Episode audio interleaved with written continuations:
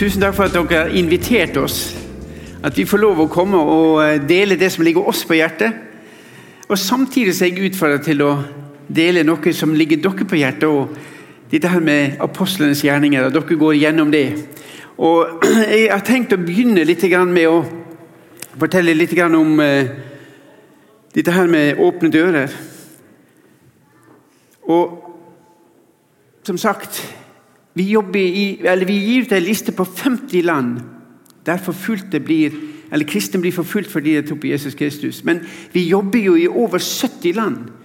Eh, hvorfor da bare 50? Jo, vi, vi, har bestemt oss at vi kan ikke lage den lista større. Vi har bestemt oss at vi skal holde oss på 50. Jeg skal snakke litt dere, med dere nå i dag om Afghanistan. Jeg skal nevne litt om Afghanistan, litt om eh, Nigeria. Og så kommer jeg inn på dette her med med apostlenes gjerninger. Og Jeg har satt det som overskrift 'lys og salt'. Også. Eh, at vi som kristne vi er lys og salt. Eh, litt om meg sjøl. Jeg fikk lov å begynne i Åpne dører i 1980. begynte Jeg Jeg har jobba i 31 år, mer enn, mer enn 30 år. Og Jeg begynte som bilmekaniker. Det er det jeg er utdanna som. Biltekniker, bilmekaniker. Jeg har jobba i åtte år. Eh, tre år i Østerrike og fem år i Nederland. Og Så fikk jeg lov i 1983 lov å være med i den gruppa som starta opp Åpne dører i Norge. Vi tok kontakt med broder Andreas og spurte kan vi få lov å representere dere i Norge. Eh, og Han takka ja til det, og den, som, den høsten ble jeg spurt kan du komme til Nederland noen måneder, for vi trenger en, en bilmekaniker. De månedene ble til fem år. I den garasjen så var vi en eh, skotte, en franskmann, en nordmann og to nederlendere som jobba. Henk, Henk Drost het han. Han var sjefen vår. Så han var nederlender. Og Han snakka engelsk på en sånn måte at vi lærte nederlandsk. Så vi fant ut at vi snakker heller nederlandsk. Så det var det vi snakka i garasjen da. Og Der var vi fem mann som jobba på fulltid med å bygge smuglerbiler. Alle bilene vi bygde, var til det vi kalte på Sovjetunionen på den tida. Det første året ble det brukt på Sovjetunionen, og så brukte vi det bare ett år, og så bygde vi nye biler. slik at systemet Vi skulle hele tida fornye oss. Og Det har jeg drevet på med i åtte år på fulltid, men nå har jeg lagt av med kjeledressen. Ungene sier nå lukter det ikke olje av pappa lenger. Jeg kom jo hjem og jeg dusja hver kveld, og det var helt svart i dusjen. For Da hadde vi vært og skrudd biler. Men nå er jeg ferdig med det. Og nå reiser jeg rundt i Norge og, fortell, og skal fortelle om hva som skjer på verdensbasis, og forkynne. Åpne dører er som du sier, eh, vi er en organisasjon som jobber i over 70 land. og Det begynte med broder Andreas. Broder Andreas han er over 90 år, han er 93 år. Han jobber ikke lenger i Åpne dører, men han eh, bor hjemme hos familien sin. En av døtrene, den yngste døtra, Fanja, Eh, bor i samme hus og tar seg av han og hjelper han. Men han begynte i 1955. Og da Gud kalte broder Andreas, så brukte han et bibelvers. Åpenbaringsboka 3, 2. Våkne opp og styrk den rest som igjen før han dør. Da var broder Andreas i, i, i eh, Polen, i Warszawa. Han var på en ungdomskonferanse, hadde meldt seg på en ungdomskonferanse, for han hadde oppdaga at det var en ungdomsbevegelse i Øst-Europa bestående av 96 million ungdommer. Og Han meldte seg på den konferansen.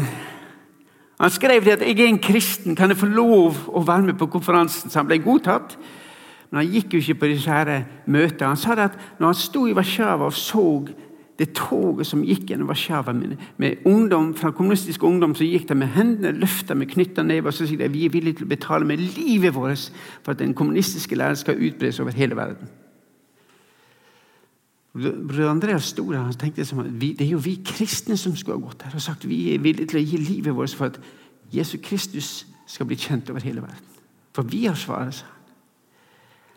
Men på den turen så ble han da kjent med at det var mange kristne som ikke hadde bibler, ikke hadde undervisning, og slik begynte arbeidet.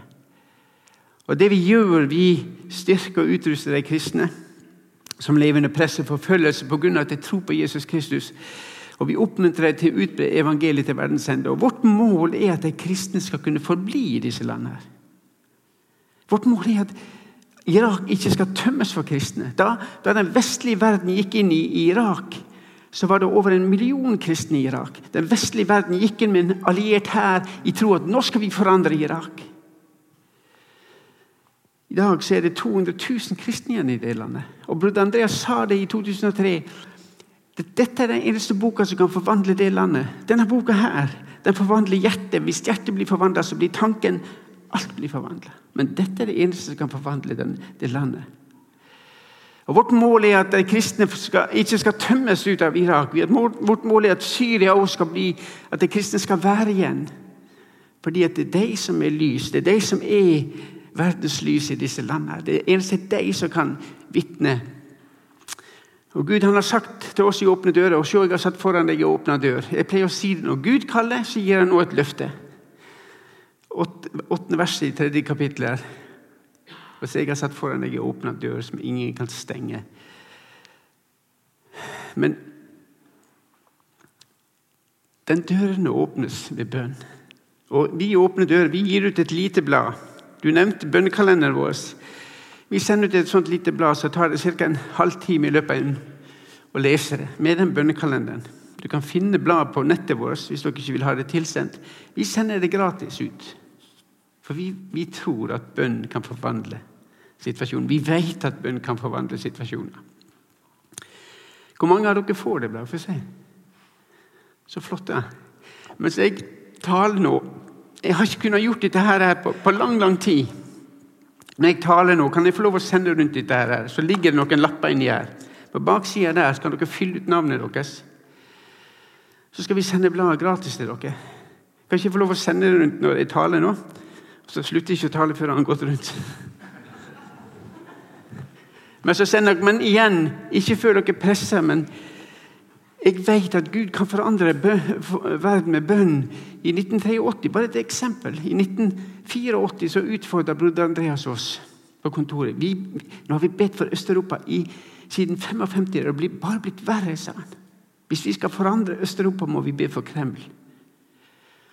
Så starta vi en syv år bønnekampanje der vi ba Gud vil du sette inn vil du gjøre noe i Kreml, vil du sette inn nye ledere i Sovjetunionen. Og Vi hadde tre bønnekjeder i Nederland som gikk 24 timer i døgnet. Jeg var på torsdagsnatt fra to til ti over to. var det min, min tur. Vi ba i syv år. Etter syv år så falt Berlinmuren. Og I 91 så proklamerte jeg trosfrihet i Sovjetunionen. Jeg snakka med en venn av meg som ikke er kristen. Han sa at du må ikke komme og fortelle meg at det var pga. kristne ba. Denne forandringa måtte komme. Så sier jeg ikke det er fantastisk at Gud sa til oss i 84 dere be i syv år. Jo, det var jo litt spesielt. Ja, Det spesielle er at vi kjenner en levende Gud seg, som elsker deg. Og dere, Gud inviterer oss med på det han gjør. Og det som skjer i verden, i disse 50 landene jo høyere for, uh, du er opp på den lista her, jo mer forfølgelse er det. Men det betyr ikke at du ligger på 50. plass, så er det lite forfølgelse. Det er høy forfølgelse i alle landene. Og hva gjør dere når dere har sett disse bildene på, om Afghanistan? Afghanistan ligger på som nummer to på lista vår. Hvordan reagerer dere når dere ser disse menneskene som strømmer ut til flyplassen i Kabul? Noen sprang langs disse flyene som tok av. Noen klatret opp i hjulbrønnene. Og noen datt ut når flyet tok av. Hva tenker dere når dere så det? Jesus han døde for hver enkelt av disse som sprang på den flyplassen. Men jeg har ikke penger. Jeg vet ikke om det. Gud gjør noe i det landet. Og jeg ser dere strime her. Det betyr at jeg kan ikke fortelle alt. Men jeg kan dele noe. Og Jeg har lyst til å dele bare disse jentene, disse kvinnene her. Når jeg ser deg, Den ene jenta til venstre her, hun er såpass ung hun slipper å gå med burka, men den andre blir skjult. Og så vet vi det at det er en kamp for kvinnene. Det har sittet kvinner i det som har vært regjeringa før, og nå vil jeg ha det vekk. Og Jeg begynte å gå inn i Bibelen og se hva er det Gud gjorde når han sendte kvinner til mann. Jo, han ga, ga mannen like, som skulle være til hans hjelp. Og jeg sier, vil dere be for disse damene? At de, få, at de kan få, lov å ta sin plass i det landet. For, for, for jeg tror det kan bli til velsignelse hvis de får lov å komme inn. Evangeliet er forkynt i Afghanistan. Til en enorm pris. Jeg har noen veldig gode venner av meg som, eh, som jobber inn mot det landet. Og Jeg satt og snakka med henne. Og så, så, sa jeg hvordan er det å jobbe inn mot det landet. Så så hun på meg så sa hun, en god venn av meg kom ut for noen, en god stund siden. kom ut, og Vi måtte frakte ham på sykehus, for han var banka så mye. Så. Og når han var ferdig på sykehuset, var ferdig behandla, kom han tilbake. og Så var han hjemme en liten stund, og så sier han Jeg må inn igjen. Er du sikker på det, sa vi til han. For du, du, du vet at du kan betale med livet ditt. Ja, men så sa han jeg må inn. Jeg har brødre og søstre inne som trenger å få undervisning. Og Så reiser han inn, og han er aldri kommet ut igjen. Så sier jeg til han her som jeg kalte henne Hvordan er det å jobbe sånn? Jeg har venner som du sender inn. Du vet at det kan ikke sikkert det kommer tilbake. Og Mest sannsynligvis er han mista livet. Så ser hun på meg med tårer i øynene og så sier hun, det er tungt, sa hun, men så kom smilet og sier men en dag Ole, en dag skal jeg treffe han igjen. Og ikke bare han, men de han har vunnet for Jesus. Og han har vunnet folk der inne. Han har sitt folk inne i det landet. Og Når dere hører om, om, om Afghanistan, vil dere da huske på å be for hans menighet inne i det landet. Vi kan ikke si noen ting om det, egentlig. Men det skjer ting, og det er betalt en enorm pris. Jeg har eh, kart over landet her, og den blå delen oppe i Bandakstan Badakstan I august 2010 så tok Tom Little, som er øverste venstre, nummer to fra øverste venstre Tom Little var en optiker, en amerikansk mann som elsker Afghanistan. Han har vært der i 10 år, 30 år. Han er det vi kalte teltmaker. Han var ikke der inne for å forkynne Guds ord med sin munn, men han var der inne for å vise hvem Gud var med sitt liv. Han elska Afghanistan. I august 2010 så tok han med seg det teamet her. En engelsk lege, et tysk ei, seks amerikanere. Og så ble det stoppa i barakstan og så ble det skutt alle sammen. Det er noen som har betalt en enorm pris for at nettopp Jesus skal bli kjent inn i det landet. Gud elsker afghanerne. De som sprang på den flyplassen, de vet ikke hvem Gud er, men Gud har prøvd å nå dem. Og Jeg prøver å si vil dere be for dem. Vil dere holde, løfte det frem? Og Han som er broder Samuel, som vi kaller han, han sier at de kristne har det kjempetøft i landet. Og det er blitt enda vanskeligere nå med Taliban-styret. Det verste er ikke å bli drept av myndighetene, men det er at familien har et oppdrag å drepe deg. Hvis du blir en kristen i det landet Vi skal ha besøk av en god venn av meg som kommer fra Tyrkmenistan. 4.11. kommer han til Norge. og Jeg snakka nettopp med henne og jeg sa at Batir, du må snakke om i fangenskap for din tro. Han har vært i fengsel. Han ble banka så mye at kona kjente ikke han igjen når han kom hjem igjen. Men så sa han Ole, det er ikke bare det å sitte i fengsel som er å sitte i fengsel, men det at du er en muslim som kommer til tro i et muslimsk land, det er som å leve i et fengsel. sa han. For hvordan, Du vet ikke om du tør å dele evangeliet med familien din engang. Og hvis du gjør det, så risikerer du at de slår deg i hjel. Det er deres plikt. Det å være en kristen i disse landene det er som å leve i et fengsel. sa han. Og det er kjempevanskelig å følge etter Jesus. Og vår oppgave i Åpne dører er å følge med på deg. Det å være der, det å støtte og hjelpe deg slik at det kan være lys og salt inni den, den verden der.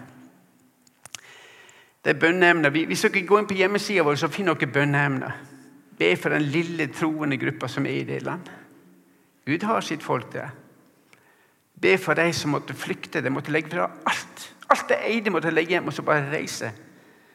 Det er for disse damene, disse jentene som vokser opp. Disse utdanna lærerne som ønsker å være med og bety noe for landet. Be om at de må få sin plass. Be for de som er syke. Det er covid-19 herjer i det landet. Og be om at ikke det skal bli en fristad sted for ekstremister. Så skal vi gjøre et langt hopp til Nigeria.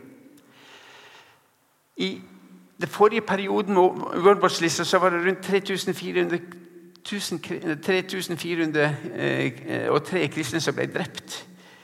Det siste halvåret så er det mer enn 5008 som er drept bare det siste halve året. I Nigeria er det landet der vi flest kristne mister livet. Afrika, Det som skjer i Afrika nå Mye av det IS som var i Midtøsten, hvor var det? Jo, det reiste til Afrika.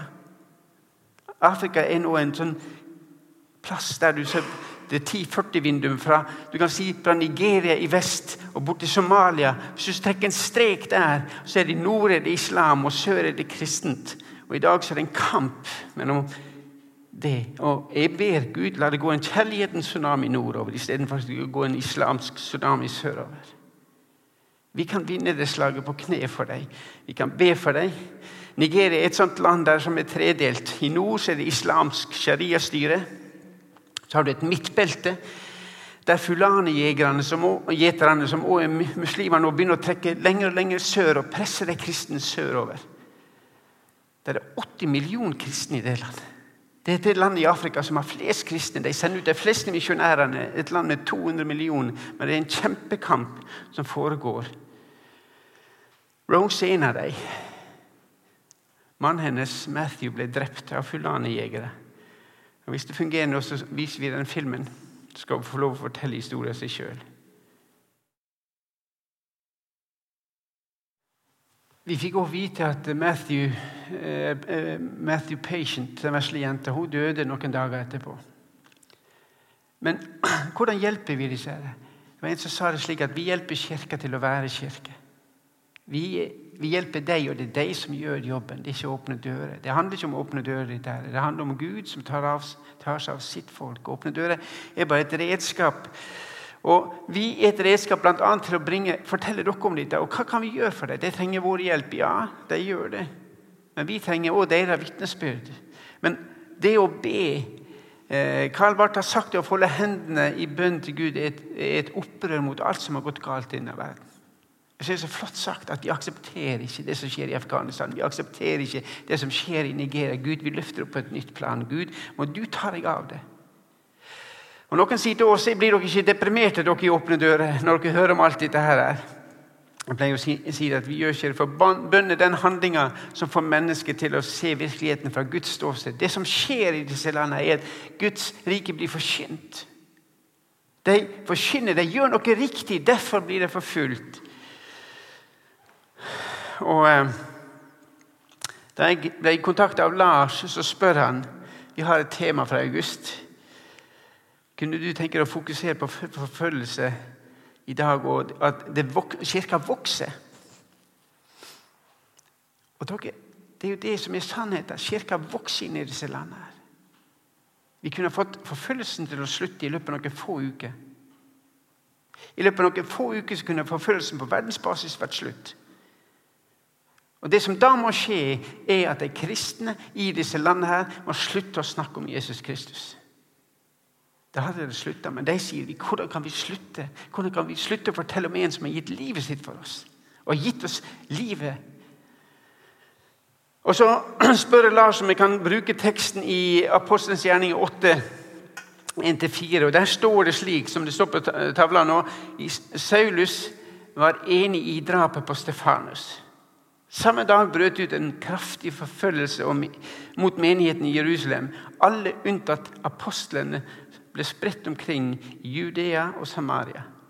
Noen fromme menn begravde Stefanus og holdt en stor dødsklage over ham, men Saulus for hardt fram mot menigheten. Han trengte seg inn i hjemmene og slepte ut både menn og kvinner og fikk dem kastet i fengsel.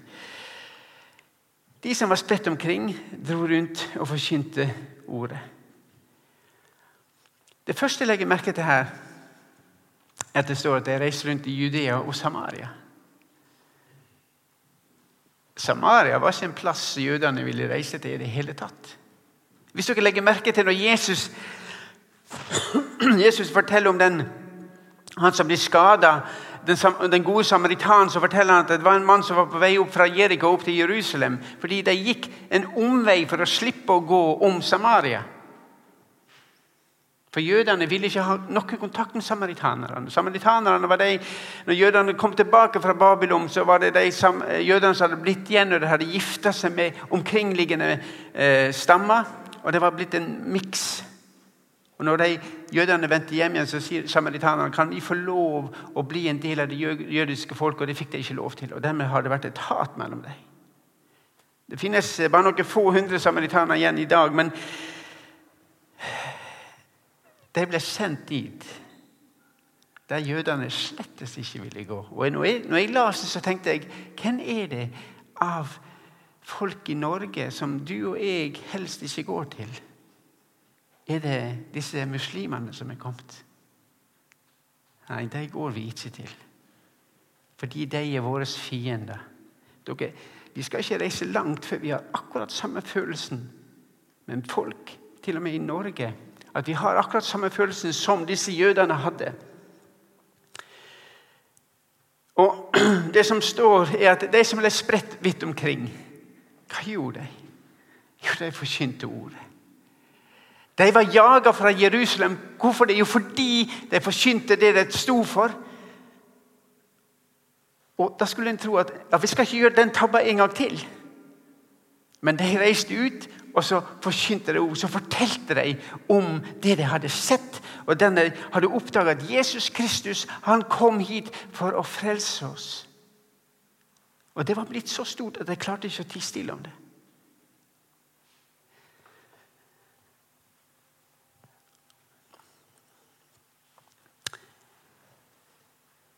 Og jeg går tilbake til første, første, første kapittel. og Der står det en, dag, en gang spiste han sammen med dem. Påla han dette. Dere skal ikke forlate Jerusalem, men vente på det som Far har lovet. Det som dere har hørt fra meg, for Johannes døpte med vann, men dere skal om få dager bli døpt med Det hellige ånd. Jesus han sier dere må vente. Dere må vente. Bli i Jerusalem. For dere skal få Den hellige ånd. Jesus han var fullt med Den hellige ånd idet han ble døpt. så står det at ånden kom ned over ham. Han ble av ånden ført ut i ødemarken. Og så begynner Jesus i gjerning. Jesus ble fylt med Den hellige ånd. Og Jesus sier dere trenger å bli fylt med Den hellige ånd før dere gjør noe for meg. For han vil veilede dere, han vil vise dere, han vil åpenbare seg for dere. Han vil åpenbare ordet for dere. Uten Den hellige ånden så kan ikke dere gjøre noen ting. Det er det Jesus sier til deg. Mens de var sammen, så spurte de han, 'Herre, er tida nå kommet for at du skal gjenreise riket Israel?' Disse disiplene, de, eller jødene, venta på at israelsfolket skulle bli gjeninnsatt som et mektig folk, som det var på Davids tid. Det skulle komme en ny konge. Israel skulle begynne å herske igjen. Og det disiplene klarte å, å fokusere på, var oss. Vårt. Og jeg tror vi jo er ofte litt sånn, vi som menighet. At vi ønsker at vår menighet skal få. Vår menighet skal vokse. Men Jesus han, han tenker ikke sånn. Det finnes bare én menighet på, denne jorda, her, og det er Jesu Kristi menighet. Det finnes bare ett Jesu Kristi legeme. Noen sier til meg når kommer forfølgelsen til Norge? Og jeg sier, Det er totalt feilstilt spørsmål. For Blir det forfulgt i Nord-Korea eller i Afghanistan, så er du og jeg med på det fordi det finnes bare ett Jesu Kristi legeme. Og Vår oppgave blir å løfte de som blir forfulgt. Men vi har veldig lett for å tenke vår lille plass. Men Jesus svarte det er ikke dere gitt å kjenne tid og sted som far har fastsatt for sin egen makt. Men dere skal få kraft når Den hellige ånd kommer over dere. Og dere skal være mine vitner i Jerusalem, Judea, Samaria og helt til jordens ende. Og jeg tror at jødene kanskje, Det står ikke ingenting om her, men jeg tror det hopper litt når de hører om Samaria. Må vi til Samaria? Jesus gikk jo gjennom Samaria da han møtte en kvinne med brønn. Og jeg tror disiplene de fulgte bare etter ham fordi han gikk først. Og Jesus han var ikke redd, for han var kommet for absolutt alle. Jesus var kommet for samaritanerne. Jødene de klarte bare å se sitt folk. Og det står det at i den første tida etter at de hadde fått eh, Den hellige ånden, så forkynte disiplene bare for jødene. Og Da vekkelsen begynte opp i Antiokia, så, så hørte jeg rykte om det. Og Så sendte de Barabas opp for å sjekke.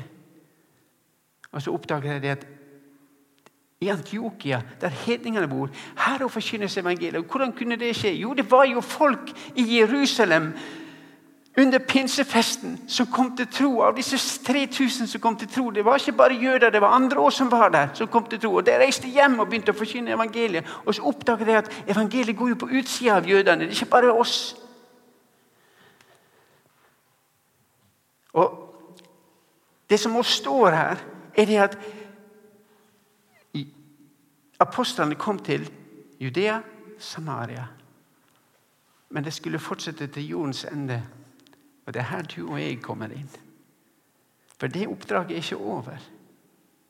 Det oppdraget er ikke over. Gud har satt de kristne på Vea. Hvorfor det? Jo, for at hele Vea skal bli nådd med evangeliet. For at det er ingen med en sånn forsamling som sitter her, så burde det ikke være noen på Vea som kan komme til den dagen når vi møter Jesus Kristus, som sier 'Jeg visste ikke om deg. Jeg har aldri hørt om deg.' Jesus begynte med tolv. Og hvor mange er dere her? Men hva gjør vi? Ønsker vi oss tilbake til apostlenes gjerningers tid? Jeg er ikke så sikker på det. For det var ei tid der de ga alt. All tida de brukte, det var for å forkynne Guds ord, for å be og være sammen. Har vi tid til det i dag? Jesus han kaller oss egentlig til å være hans apostler i dag. Og som jeg sier, Det må være ingen på VL i omkretsen her med så mange som er her. Det er ingen som må kunne gå i grava uten å si at vi har aldri hørt evangeliet.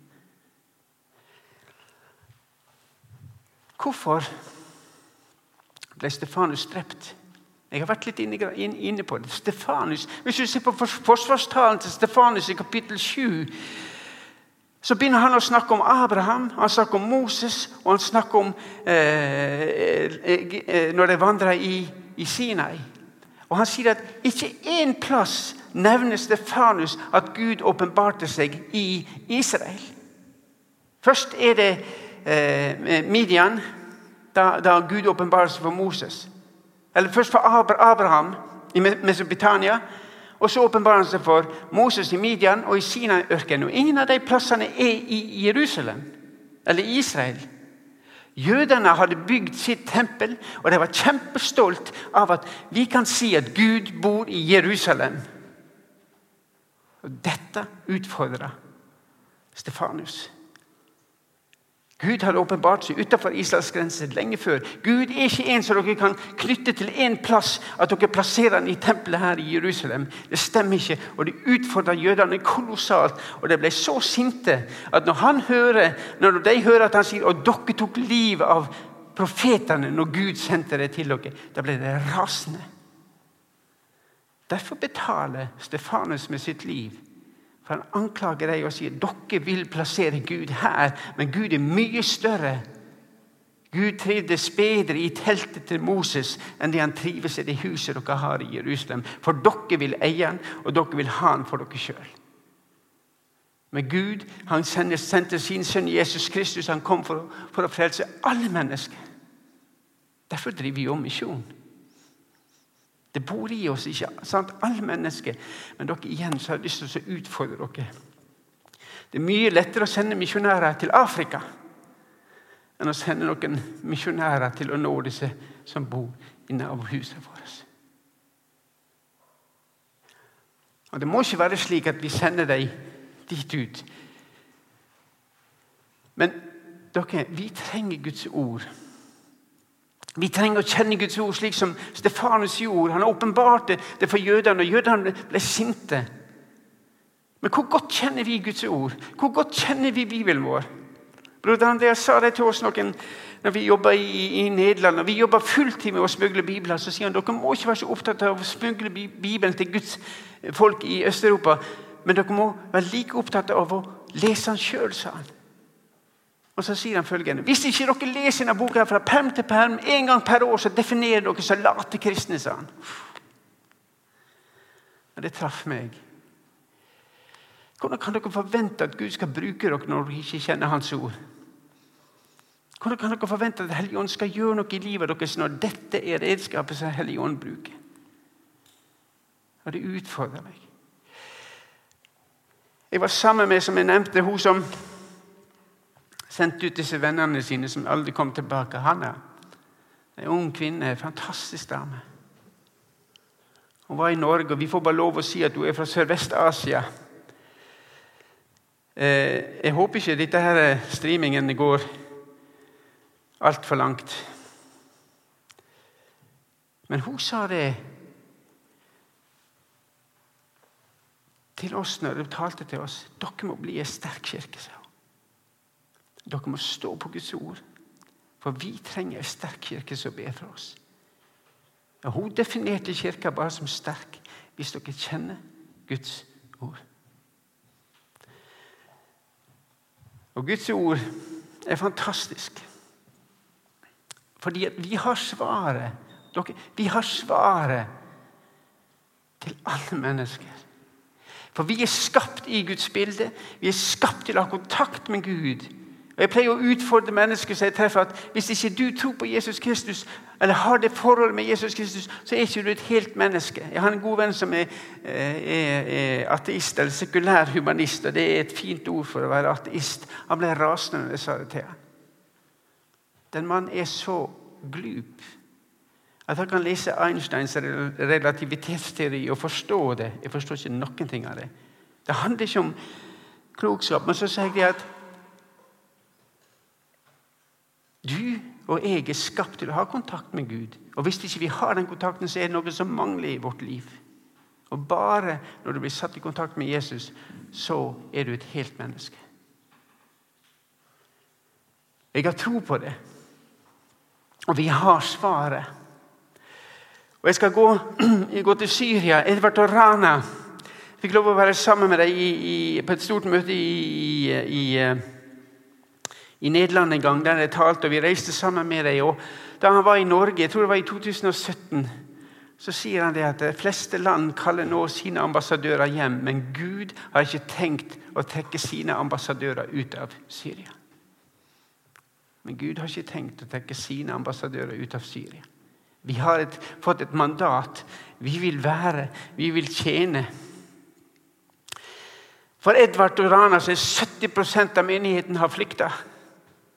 Og så skulle en tro at er en pastor fortvilt, men så smiler han så sier han at 70% av menighetene har måttet flykte, men kirka mi er stappfull, for nå kommer muslimene til tro på Jesus Kristus. Vi velger å bli. Vi velger å og, og, og, og, være her. Og Jeg fikk lov å være sammen med disse to her. Samir som er øverst, og Annie som er nederst. Samir som bodde i Sør-Syria. Han var den siste pastoren som var igjen i sør i Syria. Annie hun var en bitte liten dame som bodde oppe i Aleppo. og Hun kom ut av Aleppo når vi var besøkte, da Aleppo var under bombing. Og Vi traff henne i Libanon, og vi var sammen med dem en dag. og Neste dag skulle de reise hjem igjen. Annie opp til Aleppo. Vi så på dem og vi sa dere er heltene våre. Vi var et team fra hele verden i Åpen. Dere er heltene våre, sa vi til dem. Så kom Samir frem og så sier han det at dere kaller oss helter, men når jeg kalles inn i et område der jeg vet IS er, så, og Gud kaller meg inn der, så er jeg livredd. Men jeg velger å gå. Men når jeg kommer inn i det området, så er frykten borte. sa han. Vil dere be for oss om at vi må få et mot til å gå, til å tørre å gå? Når Gud kaller oss inn i de områdene. Og som dagen er, så skal din styrke være. Det erfarer de, sant? Og så utfordrer dere. Han, han blir kalt inn i et IS-område. Hva med dere? Dere er kalt til å gå inn i nabolaget deres. Det kan godt hende du opplever en frykt, sånn som Samir. Men jeg skal garantere deg at tør du å gå, så kommer du også til å oppleve den freden som han snakker om. Dere skal ikke være redd hvilke ord dere skal tale om, for Den hellige ånd skal gi dere, står det.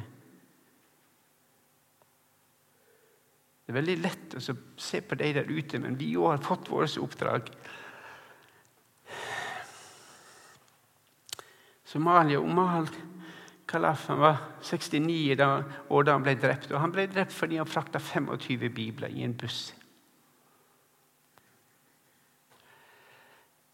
Det er sagt av en fra Somalia som tok kontakt med en teltmaker.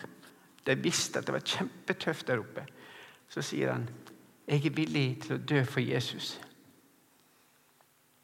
Og Så stilte han spørsmålet til teltmakeren. Men er dere villige til å leve for Jesus? Og det, det er der dere sitter. Det er der dere er som menighet. Er dere villige til å leve for Jesus? Gud har gitt oss sin Hellige Ånd. Han sier jeg skal fylle dere. Vil dere gå? Vil dere leve for meg? Vil dere være lys salt i denne verden her?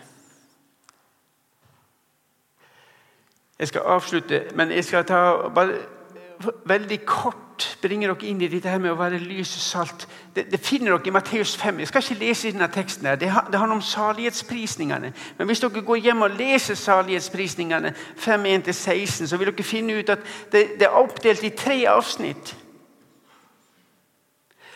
Og Disse tre avsnittene forteller om tre ting. Det første avsnittet, fra vers 1 til 9, det forteller om hva, hva troa vil virke inn i vårt liv. Det forteller om de karakterene som vil bli eh, elska frem i vårt liv. Og så midtpunktet, fra vers 10 til 12, det forteller hva verden vil gjøre med våre liv. Det forteller om forfølgelsen. Og det siste punktet det forteller om hva de kristne vil gjøre med verden.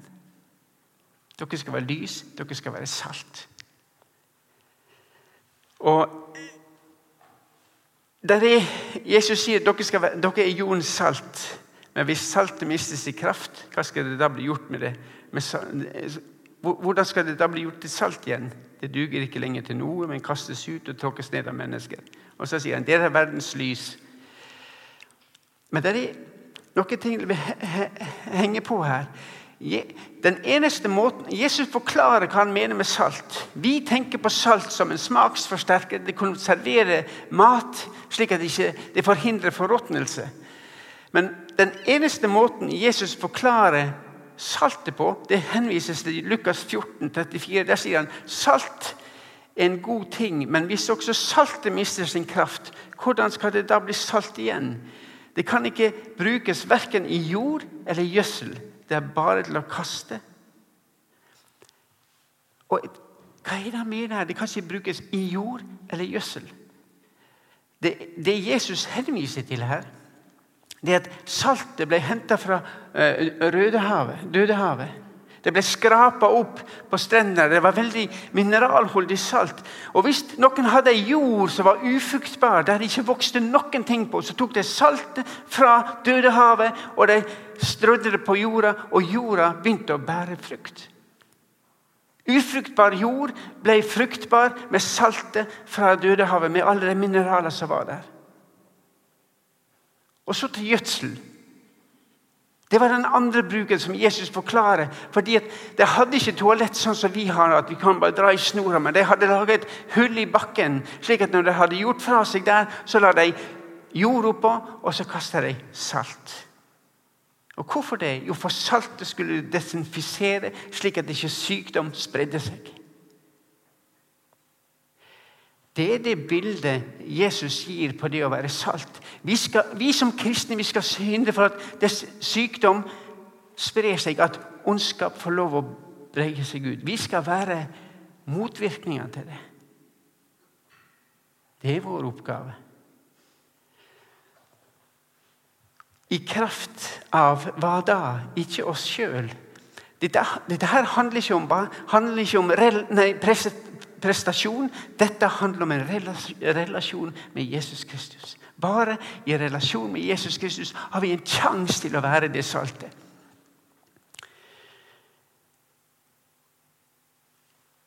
Og så det at dere er verdens lys. Der sier du Jesus i Johannes 8 jeg er verdens lys.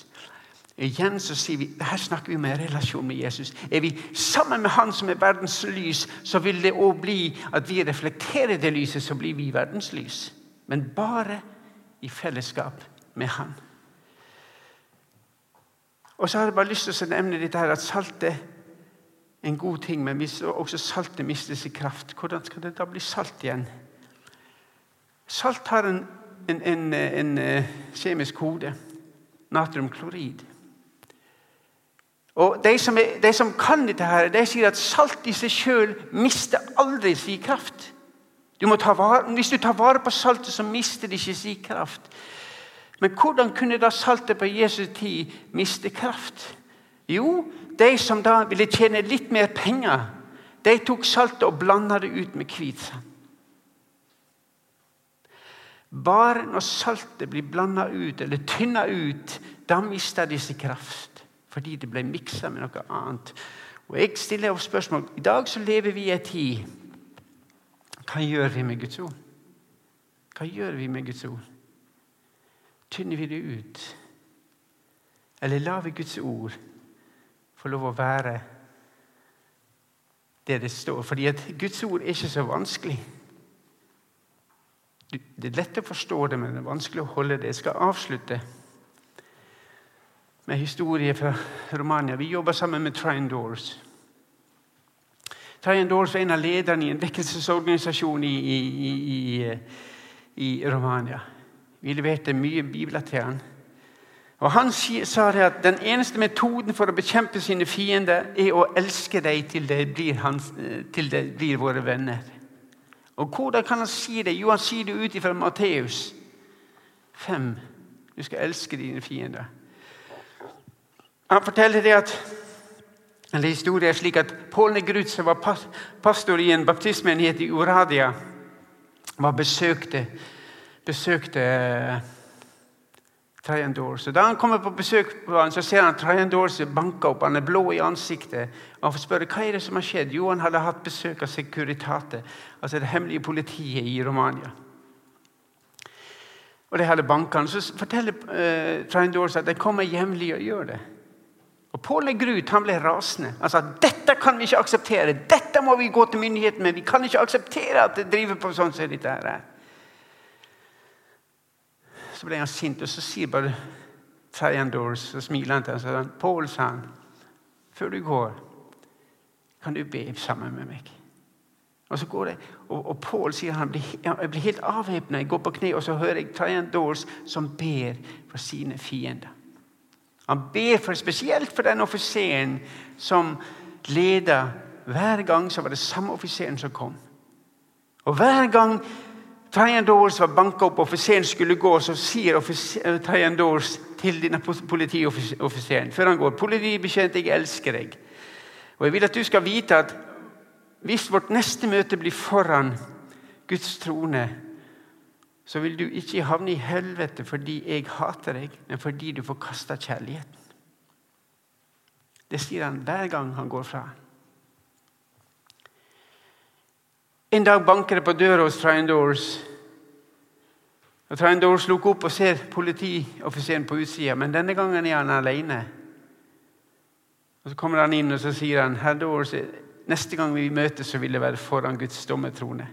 Jeg er kommet for å be om tilgivelse og fortelle at din kjærlighet rørte ved hjertet mitt, og jeg har bedt Kristus om å frelse meg. Han snudde den mannen. Han forsto ikke hvordan kan du elske når du burde hate. Jo, fordi Train Doors valgte å praktisere Guds ord.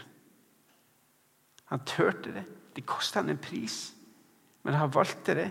Og så sier han at For to dager siden så ble det oppdaga at jeg har langt fremskreden kreft. Og jeg har bare noen uker igjen å leve. Men vi ses. Men det kosta Tyent Års kolossalt. Men han valgte å gå den veien som Jesus hadde sendt ham.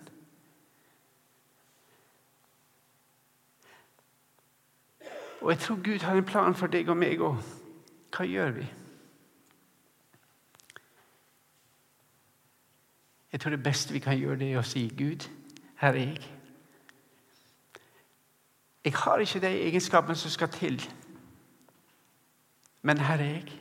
Vet dere hva? Gud kaller ikke de spesialiserte. Men han kaller de som er villige, og så utruster han dem. Han utruster. Han gir oss det vi trenger for å kunne finne den gava. Og Gud kaller, så utruster han alltid. Og Se, jeg går med dere alle dager inntil Jesus, inntil verdens ende. Jeg skal aldri slippe dere i alle situasjoner. Han vil alltid gå med dere om dere så går til naboen. Jeg skal avslutte med en historie som jeg hadde fra Egypt. Jeg traff noen omvendte muslimer som også var banka mye fordi jeg kom til tro. Og så, og så spurte jeg hvordan er det å være kristen i Norge. Nei, i, i, Norge er vi veldig forsiktige med troa vår. I Norge er det slik at uh, troa er en privatsak. Um, og det passer oss kristne farlig godt. Vi, holder, vi, er ikke så veldig å, å evangelisere. Så ser han på meg så sier han, Barnabas heter han, så sier han Jeg kan ikke forestille meg en himmel uten mine naboer, uten min familie, uten mine venner. Og for meg er det vranglære ikke å dele evangeliet med deg. De betaler prisen, men de er villige til å gå. Er vi villige til å leve et sånt liv for Jesus her på Vea, her i Norge? Vi har det så lett at det er lett å glemme Jesus. Jeg takker deg, Herre Far, for at vi kan få lov å ha friheten til å forkynne ditt ord på den måten som vi gjør. Og Vi takker deg, Far, for dine menigheter her, og jeg velsigner dine menigheter her, forsamlinger her, Jesus. La, la det få lov å bli til velsignelse for hele Vea. Vi ber for ditt folk på Vea. Må du gi dem mot, Jesus, og må du gi oss mot til å tørre å stå for deg. Til å tørre å gå inn i, til naboen, selv om det virker skremmende, Jesus. Takk for at du holder ditt løfte til disse som blir forfulgt. Og vil du holde og hjelpe oss, slik at vi tør å gå på ditt løfte? Velsigne oss, og velsigne ditt folk i Afghanistan. Velsigne ditt folk i Nigeria. Og holde dine hender over deg. Og vi takker deg, Gud, for at du aldri, aldri har sluppet deg. Og du kommer aldri til å slippe deg heller. Amen.